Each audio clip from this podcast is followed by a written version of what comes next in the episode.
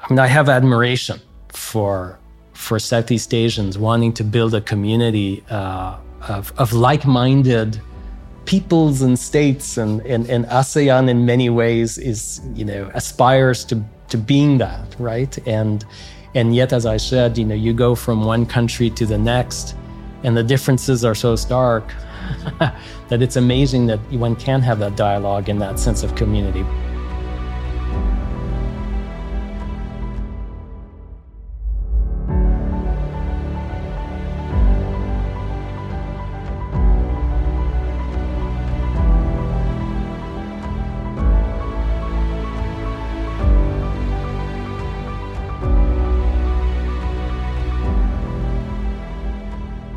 Hi, friends and fellows. Welcome to this special series of conversations involving personalities coming from a number of campuses, including Stanford University. The purpose of the series is really to unleash thought provoking ideas that I think would be of tremendous value to you. I want to thank you for your support so far and welcome to this special series. Hi, uh, today we're visited by Jacques Bertrand, who is a visiting scholar at Stanford University, but he's also a professor of political science at the University of Toronto. Hi, Jacques.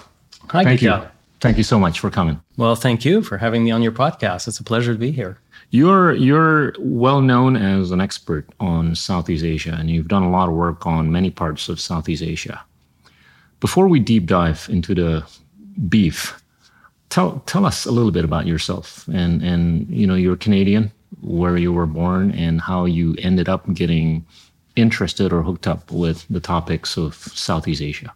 Great. Well, I I have um, uh, not a very personal story to tell about how I got interested in in, in Southeast Asia. If uh, if if I were to say something about about my background, um, you know, I grew up uh, in Quebec mostly, uh, and uh, in a family where uh, we moved around a lot in Canada, different places. Okay.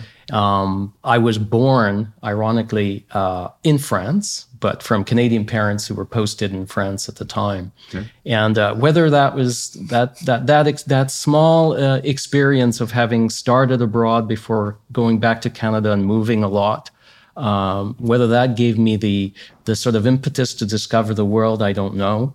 Uh, but that was a, a, a, little bit the spark, I think, that probably started my my curiosity towards the world. Uh, so I don't have a, a, a background of of um, parents who were in Southeast Asia or posted in Southeast Asia or who had any link to Southeast Asia. Actually, yeah. Uh, it's really a, a, journey of discovery for okay. me. Uh, uh, it was after uh, going to university, um, getting interested in in in the world generally and political science. As I was an international relations um, uh, student at some point, and right. and I just got frustrated at not knowing uh, places more deeply. So, yeah, as a Canadian, understanding the rest of the world uh, in, in, broad terms, and Indonesia was one of those countries mm. that I just got attracted to. Uh, this this would have been see, during your undergraduate years, or actually, uh, I was a graduate PhD? student already, and I had started okay. to work um, on on issues of development and democracy, right. uh, comparative, or, or uh, in, in more generally in the region in in Asia uh, wrote some papers, and, and Indonesia was attractive to me because it was an enigma in many ways. It was, um, a, you know, a, a, large country with a vast number of peoples of different origin, and yet a country that I found was was fascinating because um, it had this unity to it, right? right. Uh, and and coming from a Canadian background, maybe that touched some sensitivity in that. Coming from mm. Quebec in a in a in in where diversity of of, of French speakers in Canada was certainly a, a high political question right. for many years, and where Canada moved in directions of of multiculturalism. Yeah uh, maybe that background is something that sparked my curiosity with, with Indonesia, wanting to understand more uh, about this country that was not very well known, right, in North America. And, uh, and, and, and so I started going, yeah. and I learned Bahasa Indonesia. and uh, and then I which I, which I, year was this? The first time you visited Indonesia? Probably uh, in the early '90s. Yeah. Wow. And uh, and and so from there, I I I thought I would um, probably just study Indonesia for for a few years, and and and and I ended up being quite invested for the first part of my career, basically, uh, writing and, and and working in Indonesia before I started to branch out to other parts of Southeast Asia in my work. Right. Um, you you spent time in Myanmar, in the Philippines, and other places, right? Myanmar has been my most recent discovery. Again, curiosity leading me there uh, in an interesting way, having worked on issues of uh, ethnicity, ethnic diversity, ethnic conflict in Indonesia uh, at the beginning. Uh, and then more comparatively, I was drawn to mm. um, to Myanmar when, of course, political events uh, started to allow right. some more opening in Myanmar. Uh, I, w- I was I was uh, fascinated by the challenges that Myanmar was facing, and then right. I had a colleague who one day said, you know, with all the time you spend studying issues of, of, of ethnicity and conflict and democracy in the rest of Southeast Asia, what you know, you should come to Myanmar. And again, I thought I would go and and and have a, a workshop together uh, for for uh, a few months, maybe a few months of of exploration. I ended up basically in the last uh, that whole decade of opening in Myanmar, being being quite invested uh, wow. in trying to understand the challenges there and writing about them. So, I want to I want to go through, you know, almost each one of the, you know, issues that you've sort of like brought up in a number of your books. I mean, you've written like six books, right? But yeah. the last couple of ones would have been about, you know, what it takes to win, and winning by process is more important as opposed to winning by other means. And the other one would have been about democracy and nationalism. And, and you try to build those in the context of some of the stuff that's happening in Southeast Asia. Talk about it. Okay. Well, maybe I'll start. Take, take us, you know, from one geography to another yeah. in Southeast Asia and then yeah. peel the onion. Okay. Yeah.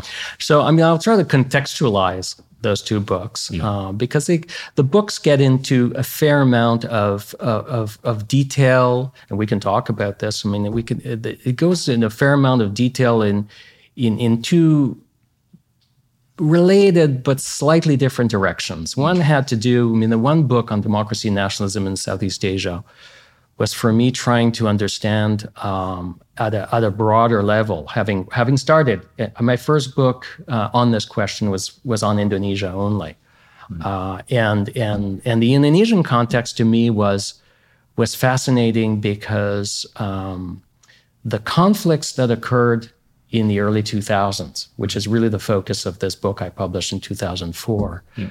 uh, were were significant and and and and and, and you know violent in Aceh. Uh, and there were other uh, conflicts that were erupting in 2000 that, that worried a lot of people in Indonesia. Uh, so, but it, you know, it, it, was fascinating to me that they were occurring at a time where Indonesia was facing uh, a new, you know, its its greatest sure. challenge, which was democratizing, right? And and there was a lot of pessimism, and, and it was yeah. pessimism at the time as to whether Indonesia was going to be um, capable of surviving the kind of conflicts that were occurring uh, against the backdrop of, of a lot of skepticism that democracy was going to work uh, in Indonesia after 1998. So, in, in, in, in my mind, what was interesting with the Indonesian case is that you had both a over over time, right? A fairly successful ability of a democratic context, as as faulty as it is in Indonesia, sure. and I, I, would agree there are many faults with it, um, but it was able to to come to a fairly successful resolution of the conflict in Aceh, uh, and and and other. Uh, conflicts that were occurring, for instance, in Kalimantan, sort of died down. Mm. There was not this kind of um, impression that you know, ethnic secessionism was on the rise. In fact, it mm. died down pretty quickly, except in Papua. And we can certainly talk more about, yeah. about that. But so that triggered in my mind the question what is it about the democratic context in Southeast Asia or the challenges under these democratic periods uh, where you can potentially reach uh, uh, uh, a, a resolution of some of these conflicts or attenuation of these conflicts? Uh, and, and so that was the focus basically of, yeah. of asking myself. Um, what is it about democracy that is specifically uh, useful or not in these kinds of contexts? And, and so that brought me to think uh, more deeply and comparatively about the cases of the Philippines right. uh, and, and Thailand, uh, which uh, in today, we, we, we, barely remember that Thailand had uh, yes. a decade of democratic uh, governance, where it was seen actually as one of the countries that was most promising in terms of its democracy. Uh, and and it was asking myself the question, you know, did it matter in the mm. in the case of the Malay Muslims in the south of of Thailand? Uh, and in the Philippines, well, there had been long-standing conflict uh, in Mindanao and the Sulu Archipelago under what was um, Southeast Asia's longest lasting democracy, again with a lot sure. of flaws. So, sure. so that that was the context that really uh, drove me to to to think more comparatively about these books, uh, about the region. I mean, uh, about these countries, uh, and that that that drew me to to write that book on democracy and nationalism in Southeast Asia. The the other book on on Myanmar uh, was was related in that you know there was this moment of opening in mm. Myanmar where where after 60 years of of civil war mm. was there a chance that uh, finally with a little bit more political opening and leading to elections mm. and a democratic context was there going to be the ability for Myanmar to start reaching some uh, agreements with uh, ethnic armed groups that have been right. fighting the state for for many decades, and so so it was a slightly different question, yeah. but, but related. I want to I want to pause a bit because you know we take a look at Southeast Asia. Right? Just about every member of Southeast Asia is pretty ethnically diverse. I would argue Myanmar has, the kind of diversity that we're seeing in Indonesia, the Philippines, and other parts of Southeast Asia, right? Let's go back to the Aceh situation, right? Mm-hmm. In, in terms or in terms of or in the context of how we were able to get resolution on this, to what extent would you put weight on how the different ethnic groups were able to converse with each other? And to what extent would you put premium or weight on the institutionalization of decisions, be it at the level of regional government or at the federal government or at the central government. Just, you know, I want to yeah. hear your views on, on these two, you know, points. So I'm going to have a pretty long answer to sure. this. because there there are two layers to to, to answering that question yeah. because you, you really you know I think it in, in your question, you, you touch upon a very uh, difficult challenge for any society, not just Southeast Asia, but in Southeast Asia, it's probably much, much more significant because of the diversity and the different experiences of right. Southeast Asian countries. And that, that has to do with the relationship between groups of different cultural origin, different ethnic groups, right?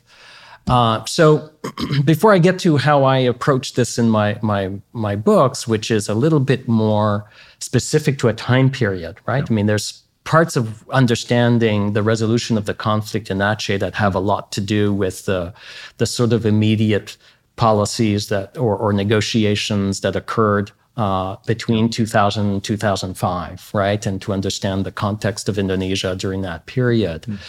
But at the same time, I think we can't um, we can't disregard the importance of the historical formation of uh, Southeast Asian countries and their experiences basically that are, that are highly diverse. And what's mm. what's challenging to understand southeast asia we talk about southeast asia. Mm. southeast asians are proud at many levels of, of having that community of of states but this, the the diversity of experience is vast, and that's and maybe that's part of the challenge for for the rest of the world trying to understand Southeast Asia is that there are many Southeast Asias, and and and they're you know okay it's a it's it's a region with many countries, but also the the depth of difference between Indonesia, Myanmar, Philippines, Vietnam, Cambodia, the histories of, of colonialism, the histories of, of uh, drawing boundaries, the histories of uh, state building and nation building. You pick and choose your country in, in Southeast Asia, and it's going to be vastly different. Whereas in Latin America and Africa, some of the narrative is going to be much, much more um, uh, yeah, uh, similar uh, in it in its process. Indonesia had a revolution, and I think I don't. and if there's something that comes through in the Indonesian uh, educational curriculum, uh, is that is that history of of the revolution is an important it's an important component to understanding what at some point historically uh, bound Indonesians together. And that is you know, that is something that that in many ways, I mean, many others have written about this. Benedict Anderson wrote "Imagined Communities" about about basically the experience of of Indonesia. Uh, but that it it it it matters. It matters because without that moment where a lot of the youth coming from different ethnic origins with this sort of enthusiasm for Bahasa Indonesia, for uh, the symbols of, of, of nationalism, there would not have been, I think, that um, that longstanding uh, duality of, of wanting to continue to to be one's own uh, cultural ethnic background at the same time as as being able to to uh, loyally, if you like, or, to, or loyal to the state and loyal to this idea of the Indonesian nation. So in some ways, Indonesia uh, it, it made its own luck, right, in the in the history of revolution against the Dutch. Uh, but at the same time, uh, it, it it's lucky historically, right, to have been able to develop that positive, because not all nationalisms are positive, but that positive nationalist movement uh, that, that that had this binding uh, kind of character to it. In a way that the challenges in Myanmar, just to to, to, to starkly contrast, Yeah. is is a history of of the absence of of much interaction between the numerous ethnic minority groups that occupy the highlands and the the Bama majority that has lived in the valleys. The They Bama is what make up about sixty to sixty-five percent of, of the population. They were um, they were they were uh, colonized, even uh, administered differently under under British colonial rule. So the the history in Myanmar becomes one where the moment of becoming independent. There's there was no his, there was no movement to bring them together, which meant that there needed Less- to be a less political unification. Yeah. a political uh, effort to try to find uh, that that that that that bind uh, to, to to rally people together. Which why which is why there was a lot of history of attempt at at building these nations when they weren't there. Right? building this kind of national whole, and it's really quite uneven from one one location to the other in in in uh, in in Southeast Asia. So when we think about Aceh at one level, a dimension that, that is important is that the Acehnese always had this kind of dual relationship to the rest of Indonesia. And that I think was helpful. Because let's be blunt about it. Acehnese were not well treated uh, in their mobilization against the Indonesian state. And, and it, you know, they, they, were, they had a high degree of resentment at the way in which uh, the last 10 years of the Suharto regime, uh, they had been under basically military occupation, huge amounts of repression, lots of human rights abuses, a lot of reasons that that that fueled the support that the Free Aceh movement, like GAM, had uh, it, as the uh, the uh, Indonesian uh, democracy emerged, right? And, which is the moment where you had the the, the, the most amount of of uh, mobilization of GAM was after uh, the democratic opening, and it was fueled by a lot of grievance, a lot of um, of, of, disappointment with with the way uh, Acehnese felt they had been treated within the Indonesian state, and it is a bit surprising that yeah. they can go from that level of of of, uh, of repression, of human rights abuses, and then and violence that occurred afterwards to essentially in 2006 uh, or 2005 having a peace agreement, 2006 having a law on Aceh that has been in place since then. Yeah. And that where you see the conflict basically regularized within the democracy, right? Yeah. In the democratic pretty process. amazing. It is pretty amazing. Yeah. So at some level, I think this is I told I warned you there was a long answer. At some level, it has a lot to do with um, with that dual nature of having the Acehnese having eh, being able to to uh, see themselves as Indonesian in the first place. They were participants in the revolution. They were there was an Acehnese uh, elite that continued to be uh, tied to Jakarta during all the the, sure. the, the, previous decades. Yeah. Um, so in that way, and that way, there was that sort of dimension that could be recovered uh, that you know, those wounds could be healed because there had been historically this participation in the, the idea of the revolution, the idea of the Indonesian nation. And that's significant. Um, now, it took, it took a, a particularly uh, important set of policies to put into place. I yeah. think the negotiations to end the war uh, between the yeah. Indonesian military and um, in the Free Aceh movement, obviously at a more narrow level, had something to do with the, you know the quality of the negotiations and what they produced in terms of the the law on Aceh. So, I mean, in, in, in your answer, there was clear institutionalization of decision making that paved way for a peaceful resolution, right? Mm-hmm. Do you see hope for something similar to that for the case of Myanmar. Right. So in Indonesia, I mean, I, I understand yeah. the historical differences, yeah. right, right, between Myanmar and Indonesia. I think Myanmar would have gone through slightly different historical paths, and it made it a bit more difficult for them to unify, unify and unite uh, the different ethnic groups. Yeah. But from an institutional standpoint, the ability of the institutions to make decisions so that there could be a resolution. Right. Is there hope? Well, before I go to Myanmar, I'm going to I'm going to I'm going to go to Papua. Okay. Right? Because okay. I think that the the real test is, you know, despite this kind of uh, very uh, you know his, his, this historical ability of of Indonesia to be inclusive, it reached its limits in Papua. Yeah and and let's let's think through the institutions right? And and and and and that's a, that's a very interesting point that I, I, I raise in in my books.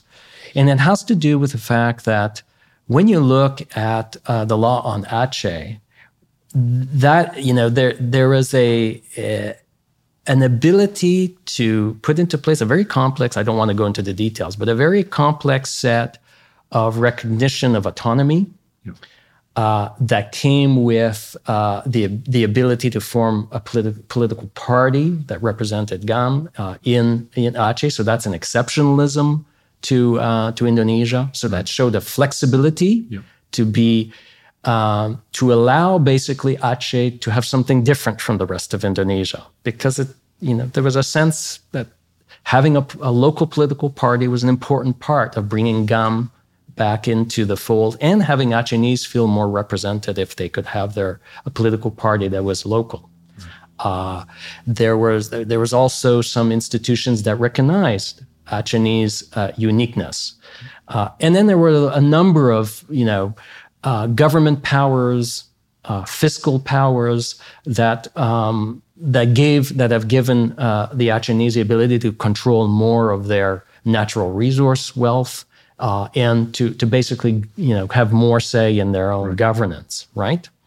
These are these are, are are all important ways of recognizing a uh, yes Indonesian regions and provinces are all equal, but at the same time, a flexibility right.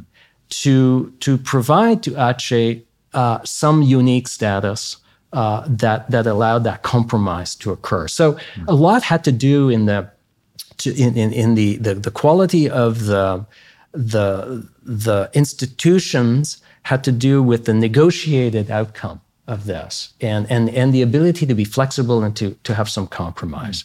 In Papua, by contrast, let's look at the process, right? right. In Papua, we get much more. Uh, there is an interest, uh, you know, there's the special autonomy law that has been put into place since 2002. And when you look at the law itself, my, many aspects of what's in there uh, is very similar, in fact, to the 2006 law on Aceh. Uh, you have a lot of powers to have um, a, an autonomous government. Mm. You have some institutions that are to represent the Majelis uh, Rakyat Papua is, is, is for Papuans, uh, Papuan representation, right. Papuan people. So there's, there's something different for Papuans with rather than you know anything similar in the rest of Indonesia. Uh, there's also a lot of um, of uh, you know people will will often say Papuans have received more fiscal outlets from Jakarta than many other provinces because they, they receive a lot uh, yeah. under the special autonomy packages. So in some ways, when you look this at this objectively, you think, but what is the problem, right? I mean, in many ways, yeah.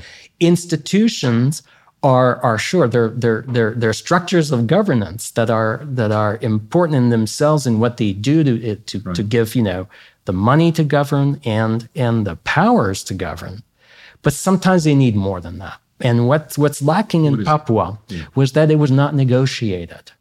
There was no investment of Papuans in the process.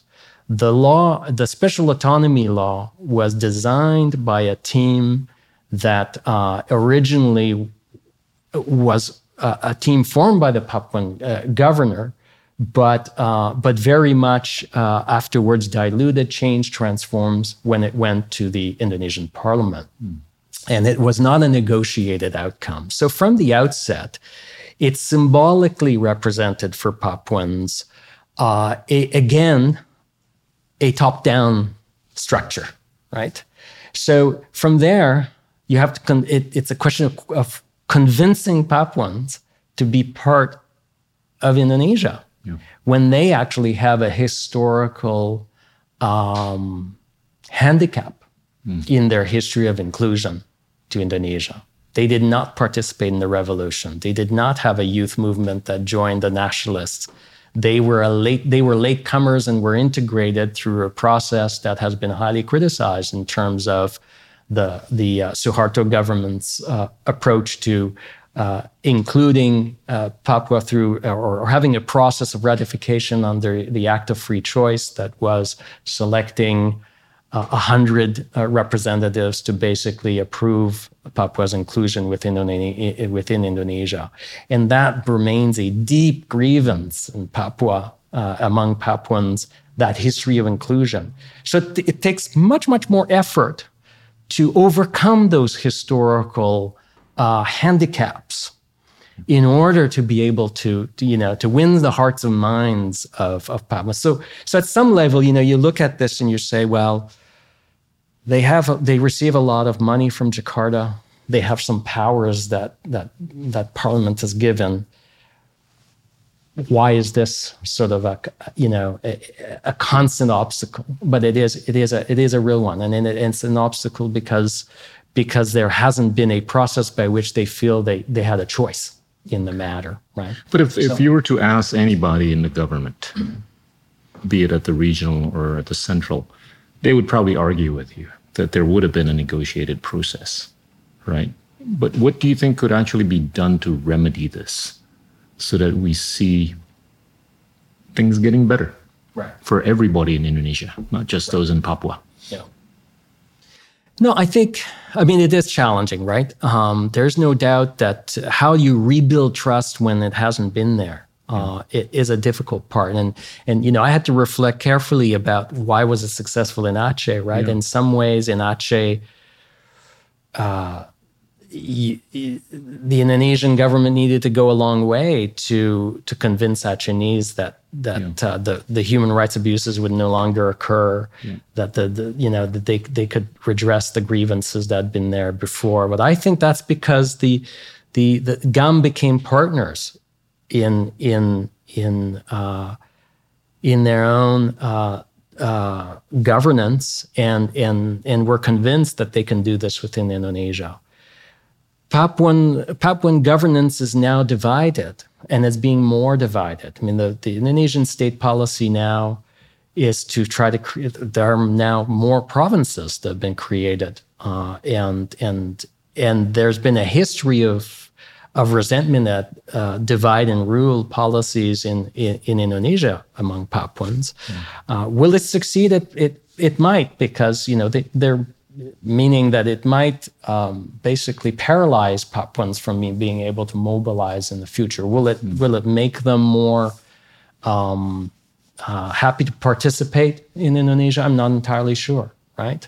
Uh, those who are going to be in control of the five provinces, they will they will govern. They will have the the the fiscal allocations, the, you know, there's there's certainly enthusiasm among them because there's there's also a lot of corruption that occurs in these in these circumstances. But I'm not sure that that's the best way to include Papuans. So what could be done, I suppose, at some level would be uh, recognizing the historical grievances and maybe addressing them a little bit more directly, uh, and and a, and, a, and a true dialogue that opens up the you know I think a realistic prospect that Papuans have no, I mean, deep down, there's no much, much interest in a Papuan independent country. Mm. It would not succeed very well. It yeah. would be a challenge. They're much better off within Indonesia. Absolutely. But they need to be enthusiastically yeah. convinced that this is this Inclusion. is the future. Inclusion, okay. more dialogue, more um, more recognition of their yeah. of the of their their legitimate historical grievances.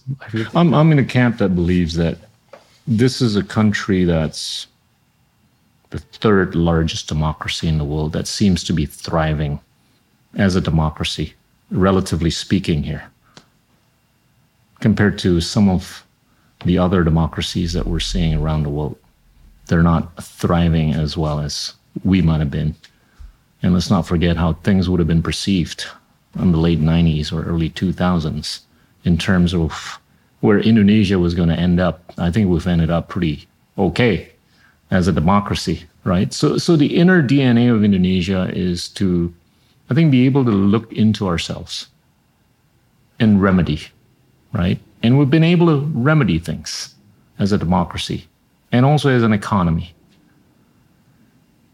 I think it's an inevitability that our economy is poised to be the fourth or fifth largest in the world in the next 20 to 30 years, just at this rate, because of scale, demographics, and whatever, right?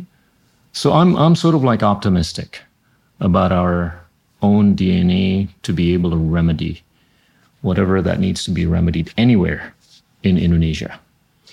Well, I do share that optimism. When I, I mean, uh, I we live in a very challenging time for democracy. Right? Yeah. Uh, demo- I want to leave we, that for we, the last topic. Maybe, maybe yes. I, I, I really don't want to go too far in that direction, but, but I mean, if we go back to 1998 and early 2000s, and you had asked a lot of of probably external observers more than, sure. than, than Indonesians who were, oh. you know, wanting to be many much more optimistic. I think about about their own country, but there was a lot of skepticism. Absolutely. Uh, was there any reason to believe that the military uh, wouldn't uh, w- would withdraw as quickly from power as it did. Well, I mean, that, in many think... ways, that you know, that's that didn't happen in Thailand. It's certainly not happening in Myanmar. Uh, I mean, and I'm yet, and yet in Indonesia, despite the history of of of uh, a very strong role in politics of the military, there was a relatively rapid acceptance from on the part of the armed forces of of taking a step back. That's that's positive. I, I think one, the the, right? the, real game. Right. And then the second is is that there was a lot of uh, as I said, these a lot of conflicts that emerge in 2000, right? Which which is what I wrote about then, and those um, most of them sort of were able to um, to dissipate after a while because there was something positive happening in terms of of of the Indonesian democratic environment, right? And that's what democracy is supposed to be about. It's about you know discussion and dialogue, addressing problems uh, and, and, and trying to, to resolve them through, through the institutional process. Now, that being said, we know there are a lot of challenges in, in, in Indonesia. Uh, it's far from a, a, a, perfect democracy, but in the scheme of what's, oh, what's, happening in the rest of Southeast Asia, I think you know there's a lot of optimism there. There's still freedom of the press. There's still freedom of discussion. There's still yeah. um, there, there's still uh, an ability to to to uh, there's some fluidity at least in the political system right? I mean we we can argue that it's hard for for some new parties to emerge but um, but no, nobody's time, perfect. nobody's but perfect. but i think people tend to take it for granted or we get underestimated for having been able to undertake as a prerequisite the necessary or the absolutely necessary political military reform before we undertook the, the political reform. That I think gets lost in the air in conversations or discussions or even discourses. Imagine how difficult it was. And imagine or take into account the sheer ability of Indonesia to actually be able to do that successfully. It's not easily replicated. It's not easily replicated, and it's because not- it is systemically very difficult. And the fact that we were able to overcome that, go through the episode of doing the necessary military reform before we did the necessary political reform, I think it's it's reflective of our own DNA that we have the ability to recognize problems. We'll fix it. I think solutions or resolutions are a matter of time frame, right? A lot of people expect things to get done in six months. Sometimes they just may need 10 years to get fixed for a country the size of 280 million. I don't know. No, that, I mean, that would be my biased Indonesian view. no, but I mean, you want to be an optimist, right? If you I don't believe, optimist. if you don't believe in in the positive uh, outcomes that will you know that time will will will, will deliver uh, then, then, then, you know, what are the chances that it's going to succeed, right? I mean, people have to be invested in the values of democracy. I mean, I've been actually having, you know, when I started going to Indonesia, it was under the the, the New Order regime, and and and I was, I've been repeatedly uh, enthusiastic and and and surprised the extent to which Indonesians just completely uh, absorb the values of of openness and and, yeah. and, and, democratic discourse, right? When you see the, yeah. well, yeah, yeah, the liberal part of it, meaning meaning you know. Uh, enthusiastically wanting debate in society, wanting openness uh, of debate, and and despite the challenges, right? I mean, there is there's a lot of challenges in Indonesia, oh, yeah. but they're being addressed and they're being discussed, yeah. and that's what democracy is supposed to be about. And so far, it's not you know the, the institutions are holding or and they're evolving, right? So um, so that that to me, you know, when I look at Thailand uh, and everybody who looks at Thailand will ask themselves, how could a country where in the 1990s there was a sense that this country was probably the beacon of democracy in, in Southeast Asia ended up being in such deep division and deep crisis now? right? Mm. And that deep division is is is is not about to go away. There, it's very very challenging. And and and if we were talking about military reform, uh, in Indonesia, well, it certainly uh, did not happen in Thailand. This, and, and, yet they share similar kinds of historical relationship to the nation and the state, right? Both the Indonesian military and the Thai military have always seen themselves as being the ultimate guardians of the state and the nation, and even more so in the case of Indonesia because it was its role in the revolution, whereas the Thai military is more the preservation of the monarchy. Uh, but it, there's a sense in, in, in Thailand that the, the military has put itself in a in, in a bind now by uh, by refusing to repeatedly refusing to listen to the voice of the majority through the political process, right? And so now, what what is it going to do? It's trying to to manipulate a democratic outcome to prevent the, the, the, vast support in Thailand of, of people who suffered from inequality and who were supporting the Thaksin, Thaksin and then uh, the, the, the, parties that, uh, that basically succeeded Thai, different iterations of it, in part because they are critical, they, they are um, hoping that uh, uh, alternative uh, political party as Thai Rak Thai promises that that you know may may or may not have delivered over time, but there was a sense that there could be uh, a different economic set of economic policies that would be that would redistribute income a little more for Thais. Uh, and in regions that were particularly poor, where most of those regions are, were supportive of of, of, of Thai Rak Thai and successor parties. So in some sense, you know, what you see in, in, in, in Thailand, that deep division is a socioeconomic one yeah. and one that, you know, when you open up the democratic process, That's not unique, repeating. Though. No, no, it's not unique, but it has made Thailand really a little bit more of a, now a deep crisis and deep divide where the military uh, uh, is it doesn't really have a, a, a good pathway out of basically reopening fully to democratic process because you might yet get another election that elects a party that is the next iteration of, of the of Thai right? And Myanmar is in an even worse situation, oh right? And and again, uh, speaking of uh, a history of, of course, uh, role of the military in Myanmar, it's impossible to to move away from. Uh, what from could the, be done?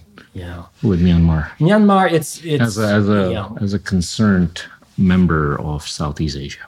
I mean, there are two. There are really two dimensions to the crisis in Myanmar. One is is the the the one that's been most in the media right since the coup of last year, and and which was a, a driver of the years that Aung San Suu Kyi and the National League for Democracy were in power and that's, of course, how do you move away from this dominance of the military? Uh, the military has been not only in power, but it's been uh, the main source of, of power in Myanmar and time. for a long time. And that's a deep, um, deeply challenging situation because uh, they have a military by comparison to Indonesia or Thailand.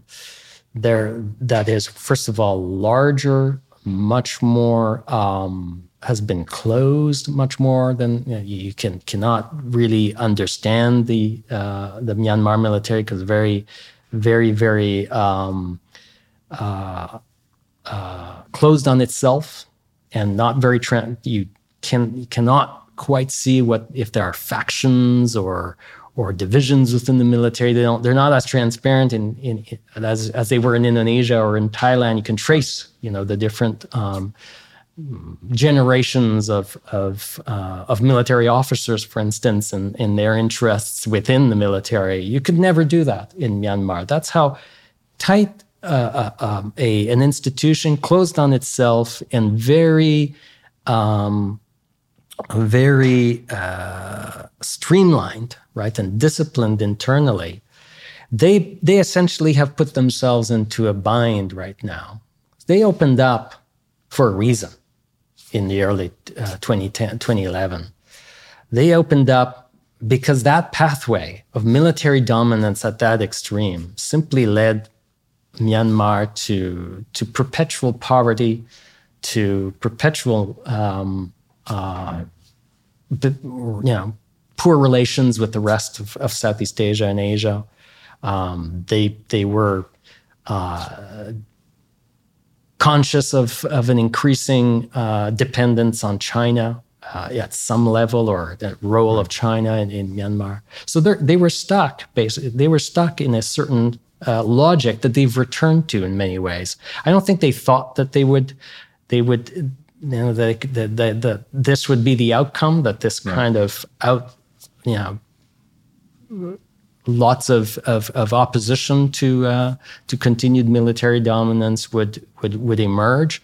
Um, I think they they were hoping to to probably organize an election and control the outcome in the way that the Thai military has been trying to do in Thailand. I think that's been the pathway. Mm. But now there's a deep crisis and there's no way out. I mean, we, can something to be done? You were talking about time. It's impossible to resolve that that level of conflict in Myanmar without um, without having uh, you know, it'd be naive to think you can't have a res- you, can have a resolution by by asking the military to withdraw. Mm-hmm. But there has to be a pathway for the military to basically um, open up to uh, opposition forces and allow a, a, re-inclusion. Otherwise, they're going to be stuck there. there. There are different views, right, about whether or not the military ought to be involved in a negotiation. There's also different views about whether or not it's better for the region or the world if Myanmar were to be more isolated. But that's just counter to the DNA and spirit of Southeast Asia, right? Because we're just a region of inclusiveness. We want to include as many people as much as possible in the conversation. So, with the majority of Southeast Asia wanting to see resolution on this, I just kind of feel optimistic that there will be a path on which whoever is going to show up from Myanmar will be able to have some sort of a discussion that will lead up to something good. Well, external pressure is important. And yeah. external pressure, external engagement, the, the, other Southeast Asian countries, and this has been the the ASEAN way. And, you know, it, it's approaching approaching the the, the well, Myanmar the, military. Indonesia made a statement, of, right? right? I mean, last year.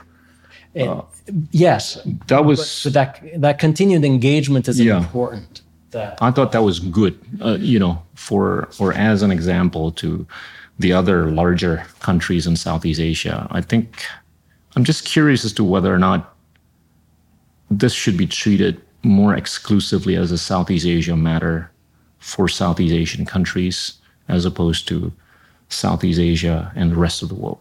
Because the rest of the world has gotten so much more multipolarized, right?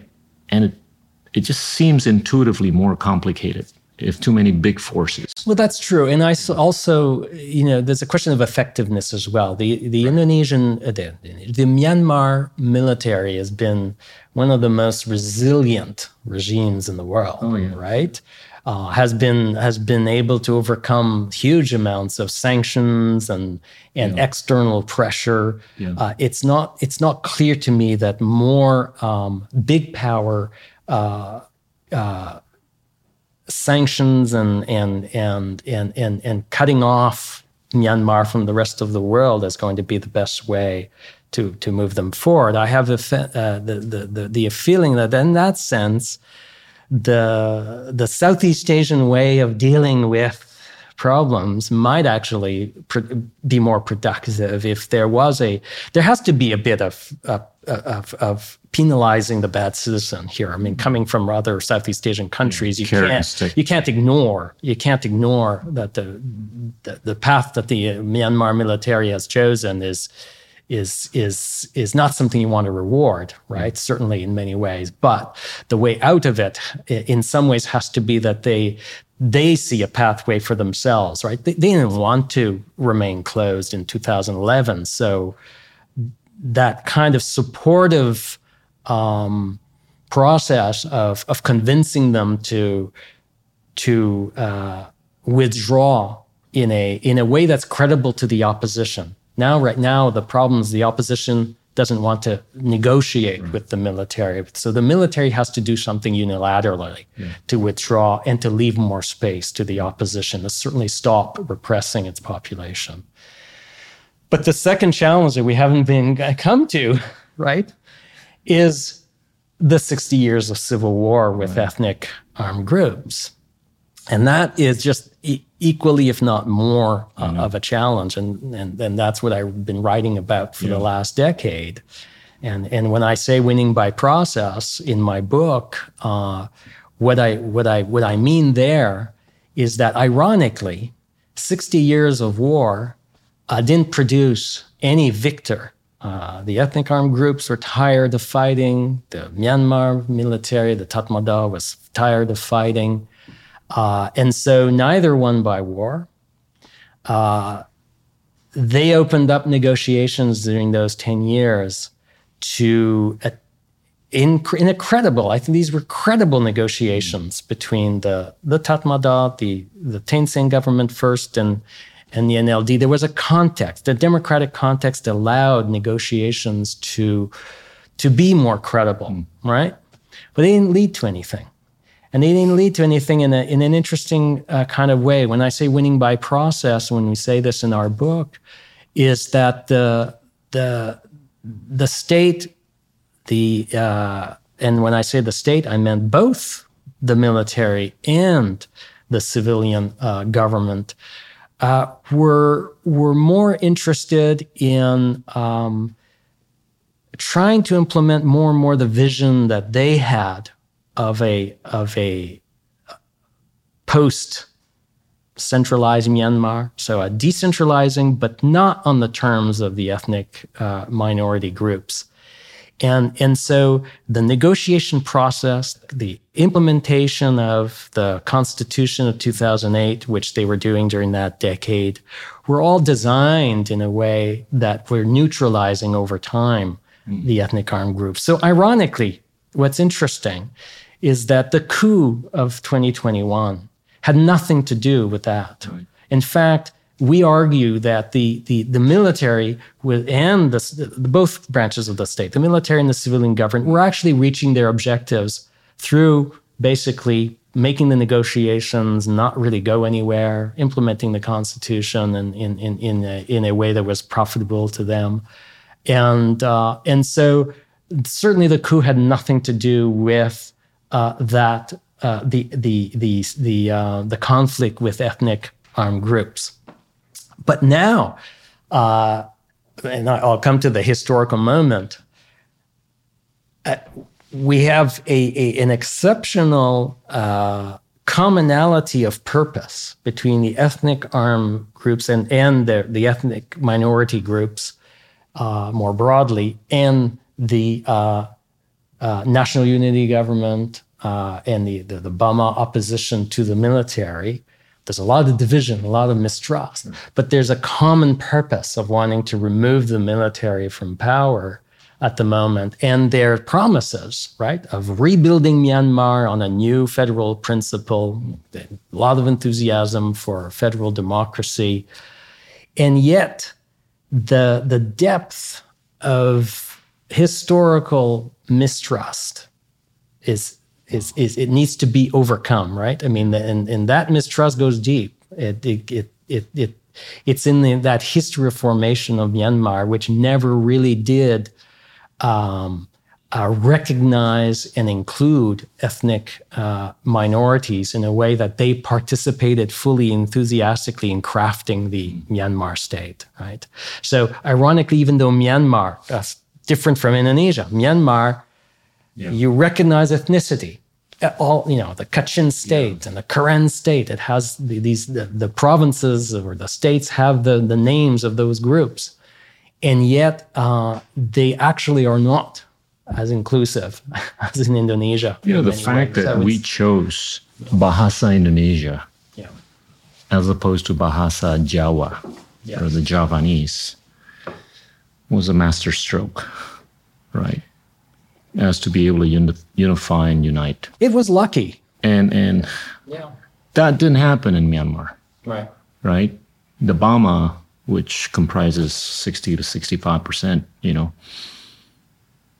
unfortunately or fortunately, whichever way you look at it, didn't have the kind of perspective that the Indonesians did, you know, early part of 2000, the 20th century and and that I think is is is less of a historical luck, right. as you alluded to. Well, I mean, there, there are a couple of things. One is that they did not have this any kind of moment where they they fought together against uh, colonial power, right? And so, and there was a, and and and so there's been this kind of um, on the part of the majority that infuses the both the military and the and the state, whether it was the NLD or even the Thein Sein government. I'd, I'd, say even in many ways the NLD is equally uh, uh, at, at stake here. There's this this sense that the Bama majority uh, rules, right, and that ethnic minorities um, are, are, are are not partners they're they're they're a problem to solve, but but there's no there's no sort of um, willingness to to really concede a lot or to negotiate really fully about what it would mean to create a a, a federal state in in Myanmar in a, in real terms, and that that's a challenge that's very difficult um, because the that that history of of viewing ethnic minorities not as equal partners is, is, is, is, decades old, right? In a way that you don't have that. The language issue is, is a tough one because, you know, you. It does help though. It helps, but it, it, it, you know, it, it was a, a master stroke on the part of the nationalist leaders early on. Uh, however, they were lucky because Malay was already a, a language that was yeah. being uh, lingua franca of the region, right? right? And so, uh, in a way that that there was no uh, there's no equivalent. No, but it would have been very tempting to use Javanese as the national been, language. Yes, and the fact that we chose not to use that. That would have been a huge mistake, of course. Yeah. Yeah. And and and I think it it sort of like correlates with Indonesia's early decision in ASEAN to be more quiet than vocal, and it allowed for everybody to actually be able to work together. If if we had been, I think, more dominant, more vocal from the get go, I'm I'm pretty sure things would have been very different in ASEAN or in Southeast Asia. That's my view. We we got a lot of territory to cover. We've talked about Indonesia, two parts of Indonesia and Myanmar. Tell us a little bit about the Philippines before I ask you questions on democracy.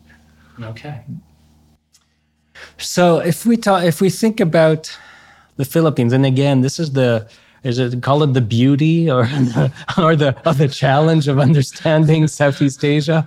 In many ways, I always I always chuckle when I think about you know um, ASEAN. Mm. Uh, I mean, I'm a, I'm not a I'm not a um, uh, I mean, I have admiration for for Southeast Asians wanting to build a community uh, of, of like-minded peoples and states and, and, and ASEAN in many ways is, you know, aspires to, to being that, right? And, and yet, as I said, you know, you go from one country to the next and the differences are so stark that it's amazing that one can have that dialogue and that sense of community. But there is something true about it. I mean, it is it sure. is something true. Anyways, I think the water has something to do with it. The water must have something to do with it. But but uh, you know, the Philippines is is is interestingly different um, because you know there you have this the the the uh, the one country that was colonized by the Spanish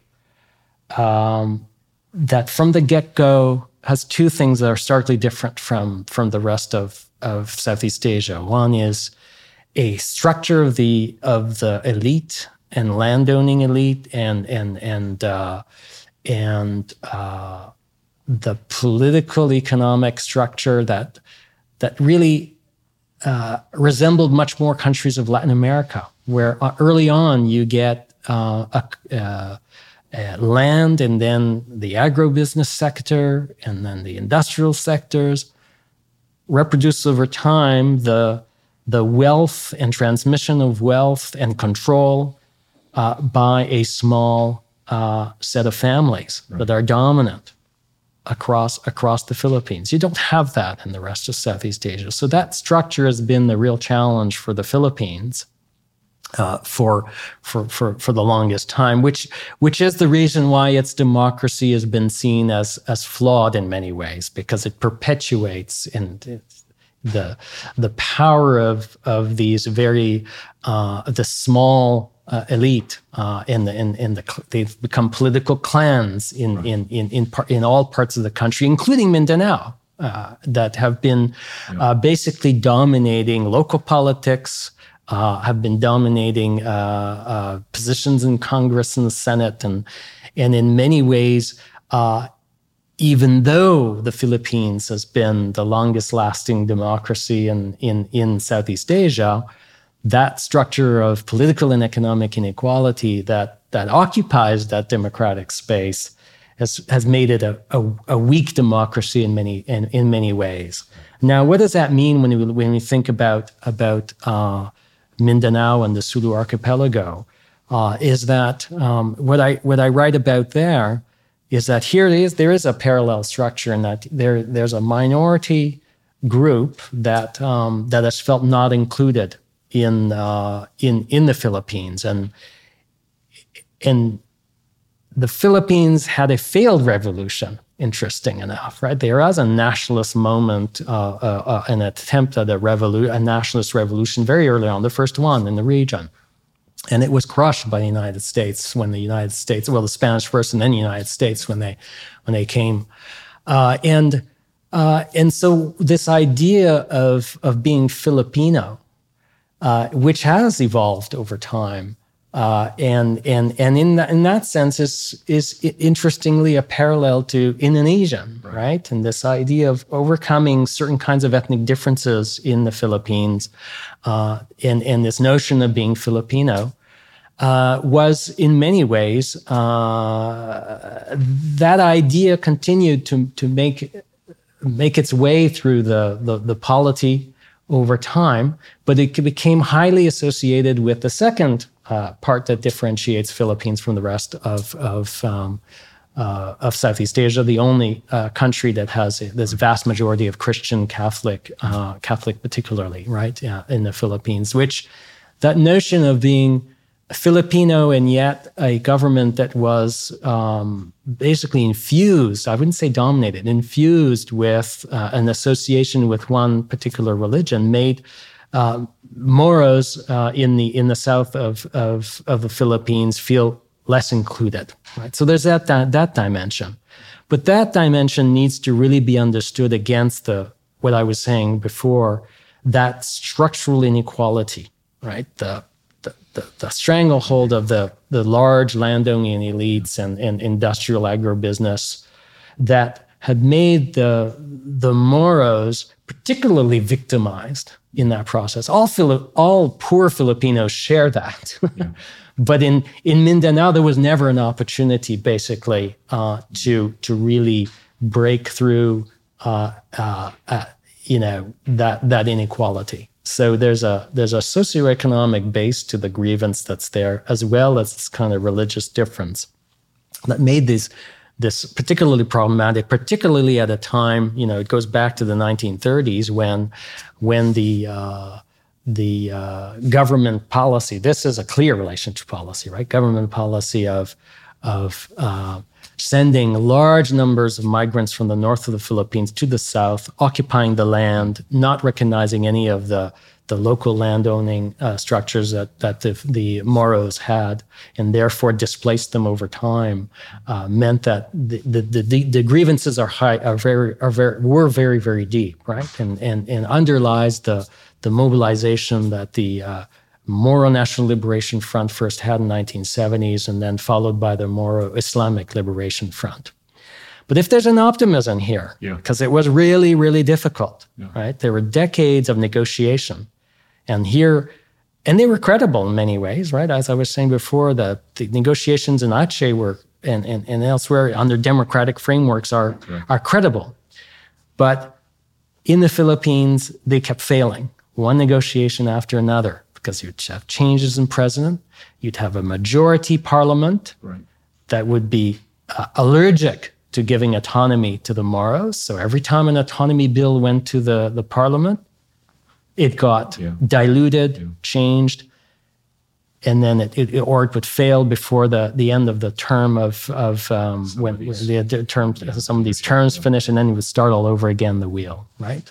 So in many ways, uh, it's it's interesting that you suddenly get out of what was one of the the least democratic uh, presidents, Duterte, right, with a lot of kind problems. Of, kind, of, kind of paradoxical. Paradoxical, being able in 2018 to get finally the parliament to ratify the Bangsamoro uh, basic law, yeah. uh, which is the best uh, deal yet for the Bangsamoro, a recognition as a nation uh, within uh, the Philippines, the Moro nation, uh, and and giving was them a reflection more of his leadership or his ability to connect with the legislature, or just a reflection of much more of the accumulation of work that has taken place before him. Yeah, probably those three, right? I mean, the the I think there was there was the accumulation of work. I mean, in some ways, there was there was a a, a um, the negotiation teams had constantly improved on the on the deals that and the MILF in particular was trying to negotiate. And they'd gone too far at some point where they had they had recognized a juridical en- entity that was supposed to give a kind of very very special status to the to the Moro that that was quasi a state within a state, and that got shot down by the Supreme Court uh, in the Philippines. Mm-hmm. So that, but so between the, the you know the work that was done, because a lot of the deal was reached in 2012, so well, well before Duterte. Um, so some of these compromises uh, were important, and they were they they were successful because again the government was willing to invest a lot of negotiations with the MILF, the different negotiation teams from one, one administration to the next. Uh, and and and that so they were invested in it, and they and they were willing to compromise in the end as well. The MILF to recognize they couldn't make the claims to territory they wanted to make. They couldn't quite get the powers they wanted, but they were getting a lot, right? Yeah. So over time, that was certainly successful. But why why did it not die with the you know the end of a presidential mandate or in you know a, a, bill in parliament that fails as it had happened with the agreements with the MNLF, which is what was really the big problem, is that uh, Duterte was from Mindanao, and Duterte understood that. Um, uh, that there was a very small time limit to get things through. And he had more support in Congress than previous presidents. So he had allies in Congress. He had the political will from uh, as somebody who's from Mindanao wanted to solve the crisis. Obviously, the the uh, the very significant violence and and and, and weeks of of of, um, uh, of particularly heightened crisis in Marawi City uh, certainly tr- uh, traumatized uh, Filipinos who basically previously thought this a problem happening in the South, but this was on a scale that was much, much different. That certainly gave Duterte the the ability to politically leverage his control of or, or his allies in Congress in that tight timeline to get it passed. It's the best hope right now for uh, for the Philippines. There's, there's it's a bright light. It's a bright light, uh, and yeah. and you know now it has to be put into place, and that's that's a very important that pr- part of the process. That in Aceh was was difficult at the beginning, but it, it has worked, right? And we have to see. Yeah, and and that works. sort of like takes takes me back or us back to the point that I raised earlier about Southeast Asia in general. We've we've got a pretty strong DNA to be peaceful and stable.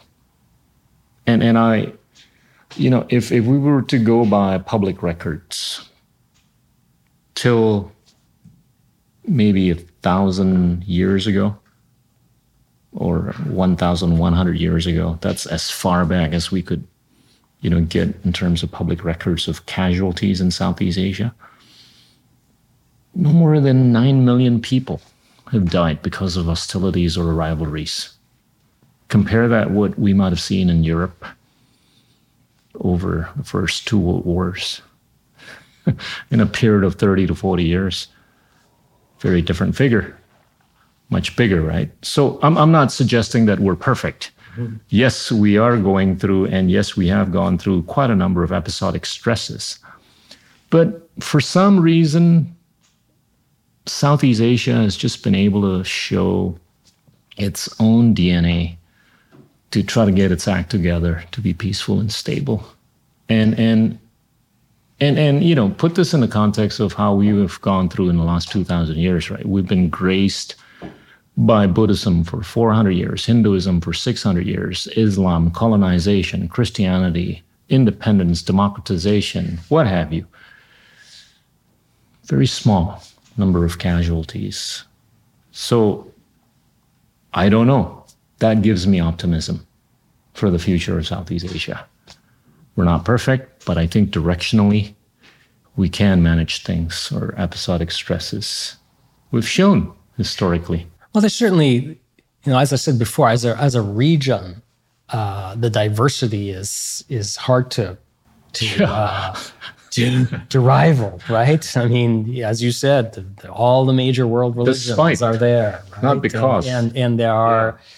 And so the richness of diversity is incredible uh, in in uh, in in Southeast Asia, and at a time when, at least in in Europe, North America, diversity is a big question right now. How do you deal with diversity? How do you have more inclusiveness? There's a lot of re-examination in, in Canada and the US about, you know, our, our past and what we've how we've mistreated our, our, our indigenous peoples and and how do we cope with multiculturalism, with immigration, with with diversity. In many ways, I would agree with you that um, there's a lot of positive examples in, in Southeast Asia about how to deal with diversity, right? There is this, um, both at the within state and within as a region, where there is this. Uh, this, you know, this notion that you, know, that you, can't avoid diversity in, in, in, in, Southeast Asia, so you have to accommodate it in, in the best of ways, right?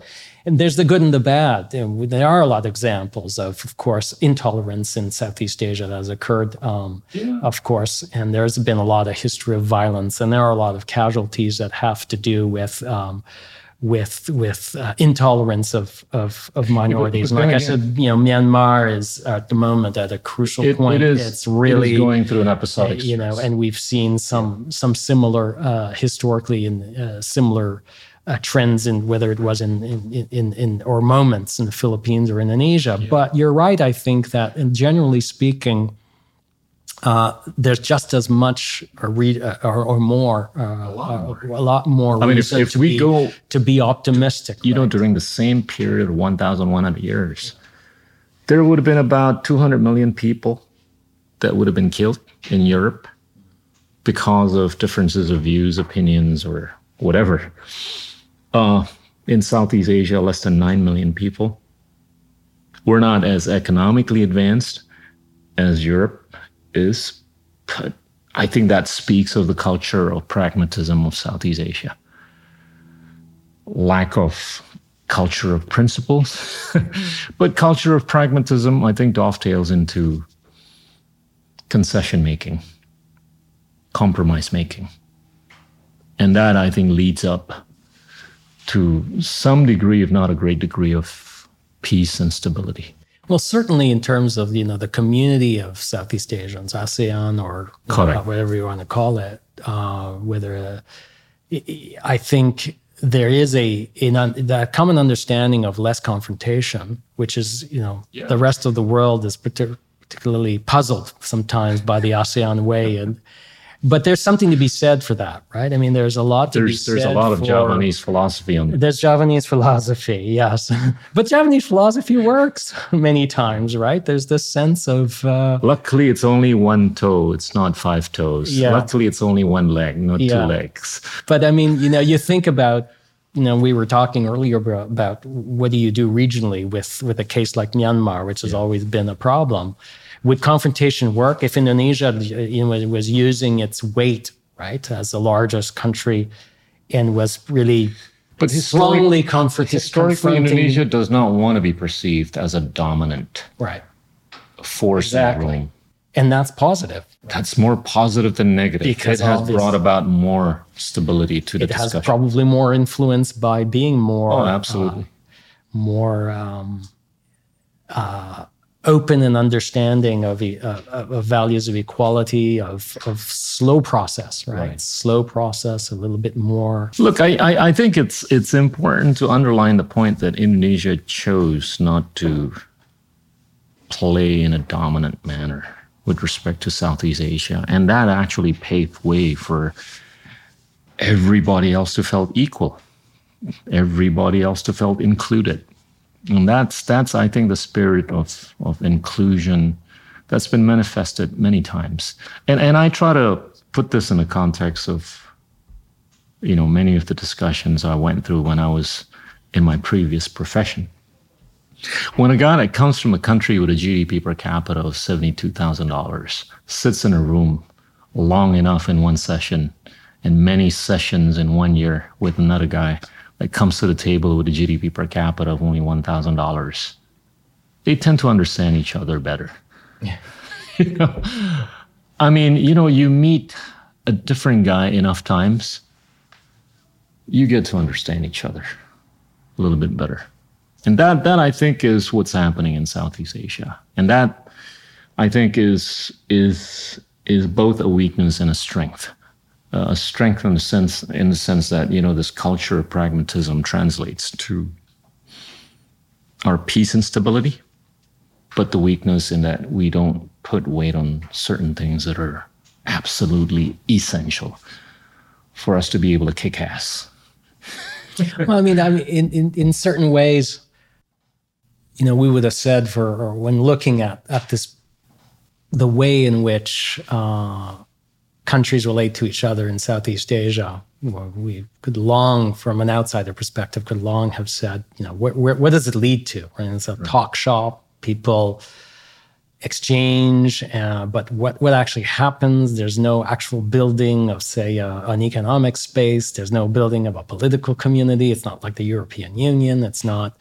It's not like any of these other um, communities of states you see elsewhere. It seemed to be more of a, you know, often accused as a talk shop. But there's something to be said for that in this context, right? I mean, now uh, I, I, I would say we might see the stabilizing, even more the stabilizing function of that kind of community building that is a little uh, more pragmatic, as you say, uh, a little more uh, attentive to the the sensitivities of of, of partners uh, in the, in that community, which is conducive to less conflict between states, right? In a in a time when we're seeing heightened polarization, heightened uh, conflict elsewhere, and where confrontational politics may be necessary at some level, but at the same time, uh, there's always a danger of escalation, right? I mean, maybe perhaps because of its historical past and the, the stark differences in, in, in among Southeast Asian countries that,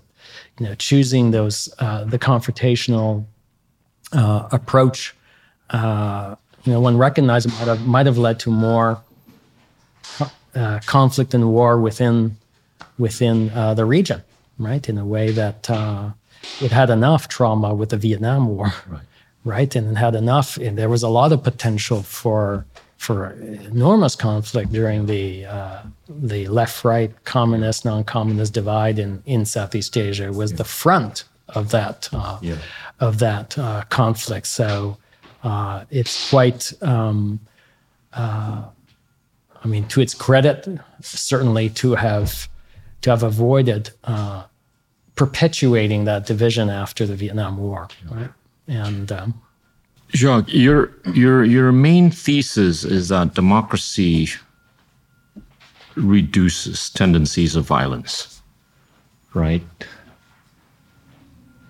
But something is happening with democracy around the world, right? What's your view on this? I mean, if, if you're a believer, and I'm a believer, that democratic processes have this positive effect on anybody's ability to reduce tendencies of violence, right?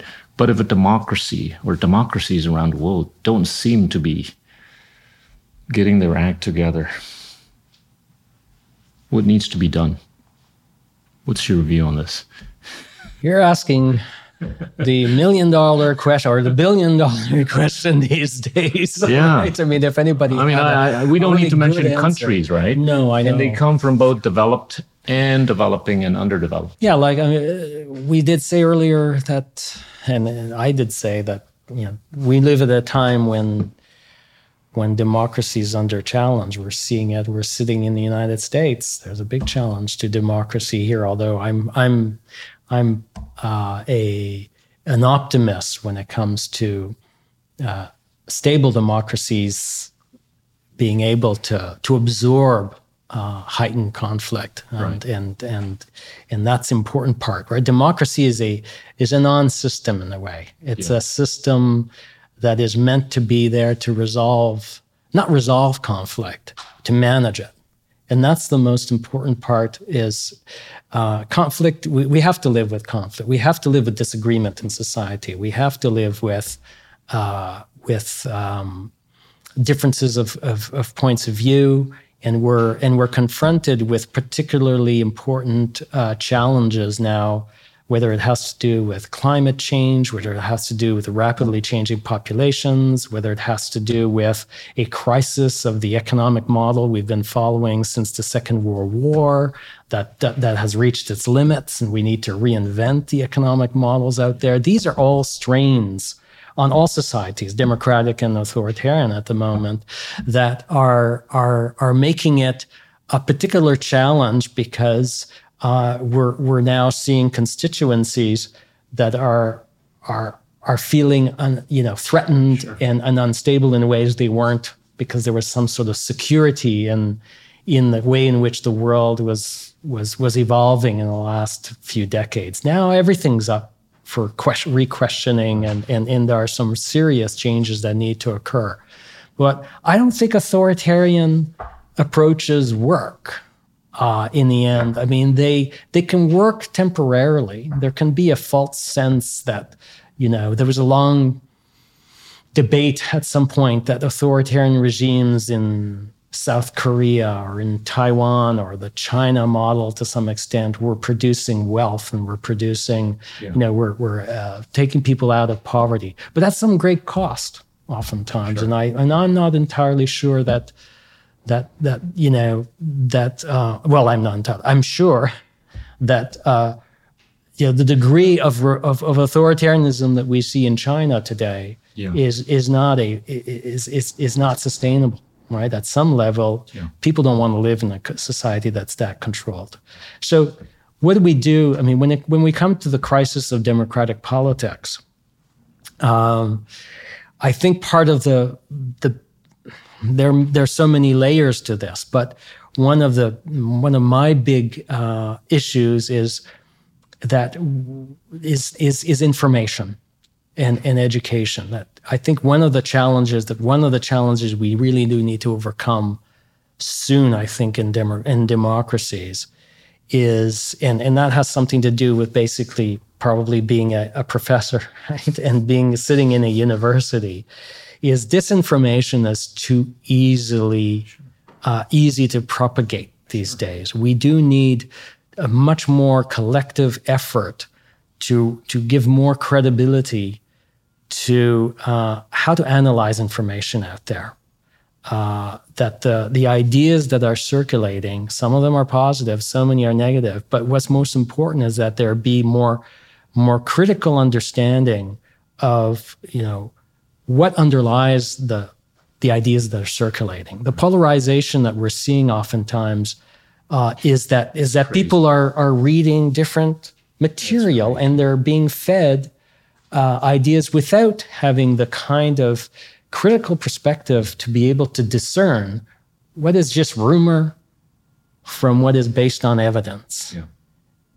What is what is scientifically grounded, and now they're even questioning what is science, and so people are are disbelieving uh, the effectiveness of science to resolve certain yeah. kinds of problems.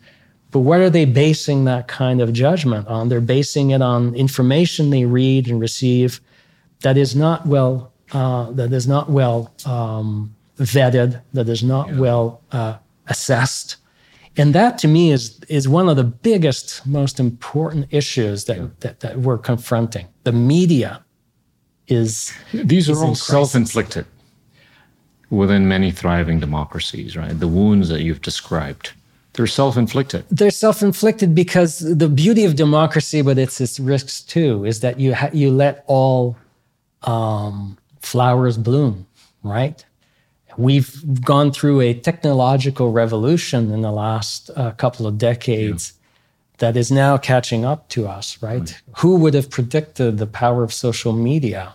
20 years ago, we didn't have social media. Now it's driving a lot of trends. It's driving a lot of what people want to be reading and seeing we we need to to address this but it's yeah. these these movements occur very very quickly and it takes time for policymakers for state builders for believers in democracy to right. see how do we approach this um, for for the for traditional media for instance to to be able to reconvince a broader population that wait a minute there's value in good journalism right? Because good journalism makes the effort to find out what is what is based on fact and what is based on rumor or or, or, or and, and and you know it's important to know what's you know when one sees something on on the web or that circulates through Twitter, where does it come from? Right? What's it based on? and I think that's yeah. that's something we didn't anticipate 20 years ago. No. Uh, and uh, I, I, you know, I've been I've been quite vocal about. I think there's so many variables that are weakening democracies around the world, but one obvious one is their inability to democratize ideas. And it's just amazing. You, you, you talk a lot about you talk a lot about information or how information has gotten so democratized to the point we don't even know which one is true or which one is not true or which one is less true. But that hasn't really translated to a proper democratization of ideas. I think there's a lack of democratization of ideas. If any ideas have gotten too polarized, you're either on the far left or on the far right, in the absence of what's in the middle. We call that the center or centrality. The second problem is that you lose sight of the process, right? You, you, your mantra has been about the process, mm-hmm. right?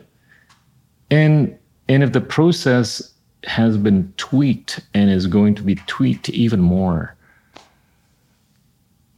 by way of who gets to be more popular as opposed to be as opposed to who gets to be smarter right so I think we can easily extrapolate, right, to a future where future leaderships in any dimension, be it academia, politics, policy making, entertainment, or whatever, it's all going to be about who gets to be more popular as opposed to be who gets to be more intelligent. Sure, I think, that, but to some degree, that has off, you know oftentimes been the case. But as long as popularity I think it's goes, more amplified now, right. a lot more amplified. You're right, and I think there's a there's a sense of that that now there seems to be a loss of, of values among those who are popular, right? I mean, there's yeah. there's it used to be that there was more um, commitment to the to the the basic principles of of democratic participation of um, the norms of respecting others' uh, position, respecting electoral victories, uh, right. and and accepting defeat, uh, and and and uh, and trying to and understanding that democracy is a is a set of rules. It is a set of process there there needs to be a structure it's not any anything goes yeah. it's yes you want the flourishing of, of ideas but there needs to be a kind of regulated sure. sense of of of believing in the certain fundamentals of the institutions that go with uh, say strong journalism strong uh, responsibility to the public uh, a, a rule of law and and respecting decisions that are made in but there's less of those now there's less of those right? now. Because yes. the guys at the top in many democracies have gone there more because of TikTok. Yeah. Not because of how they performed at a debate. Right. And if you take a look at it empirically, the weight that's put on debates in the process of yes. attaining leadership is declining. Mm-hmm. It's a lot more about who dances on TikTok. Yes. And it, uh, it's about who puts more mud on himself or herself, you know, on TikTok or Instagram.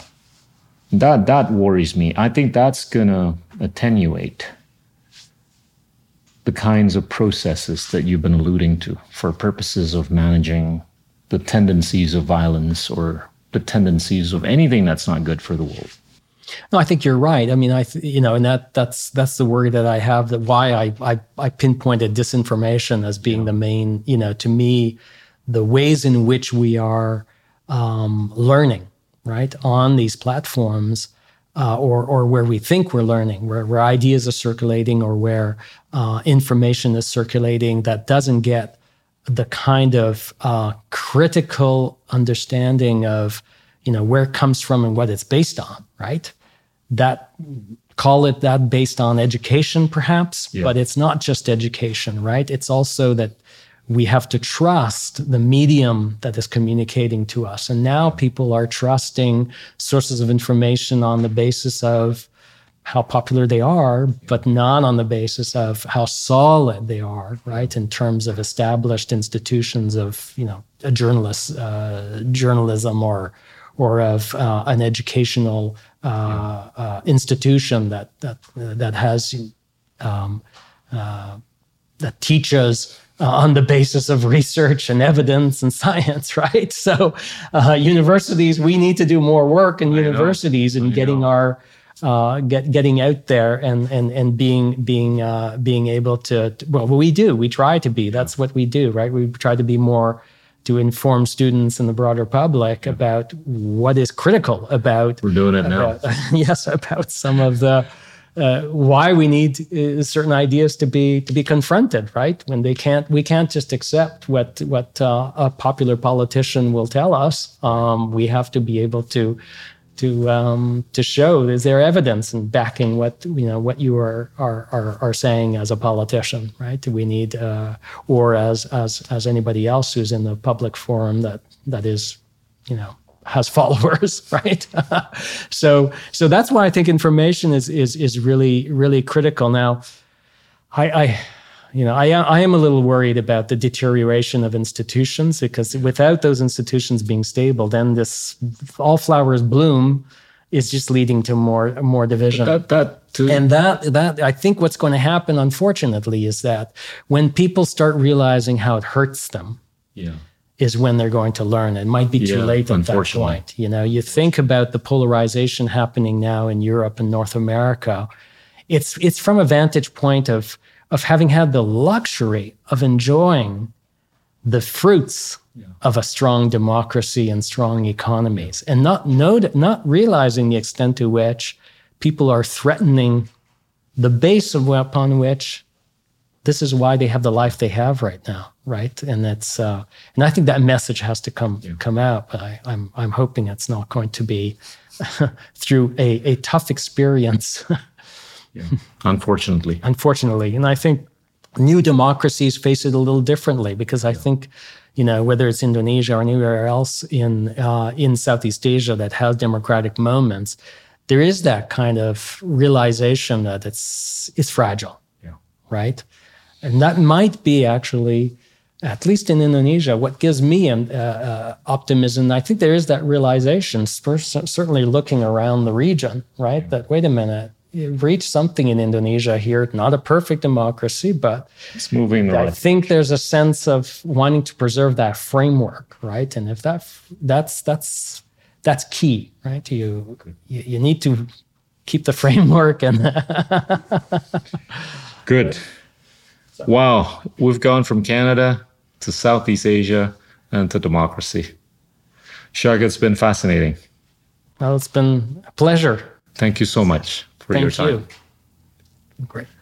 That was Jacques Bertrand, a visiting scholar at Stanford University, also professor of political science at the University of Toronto. Thank you. Inilah Endgame.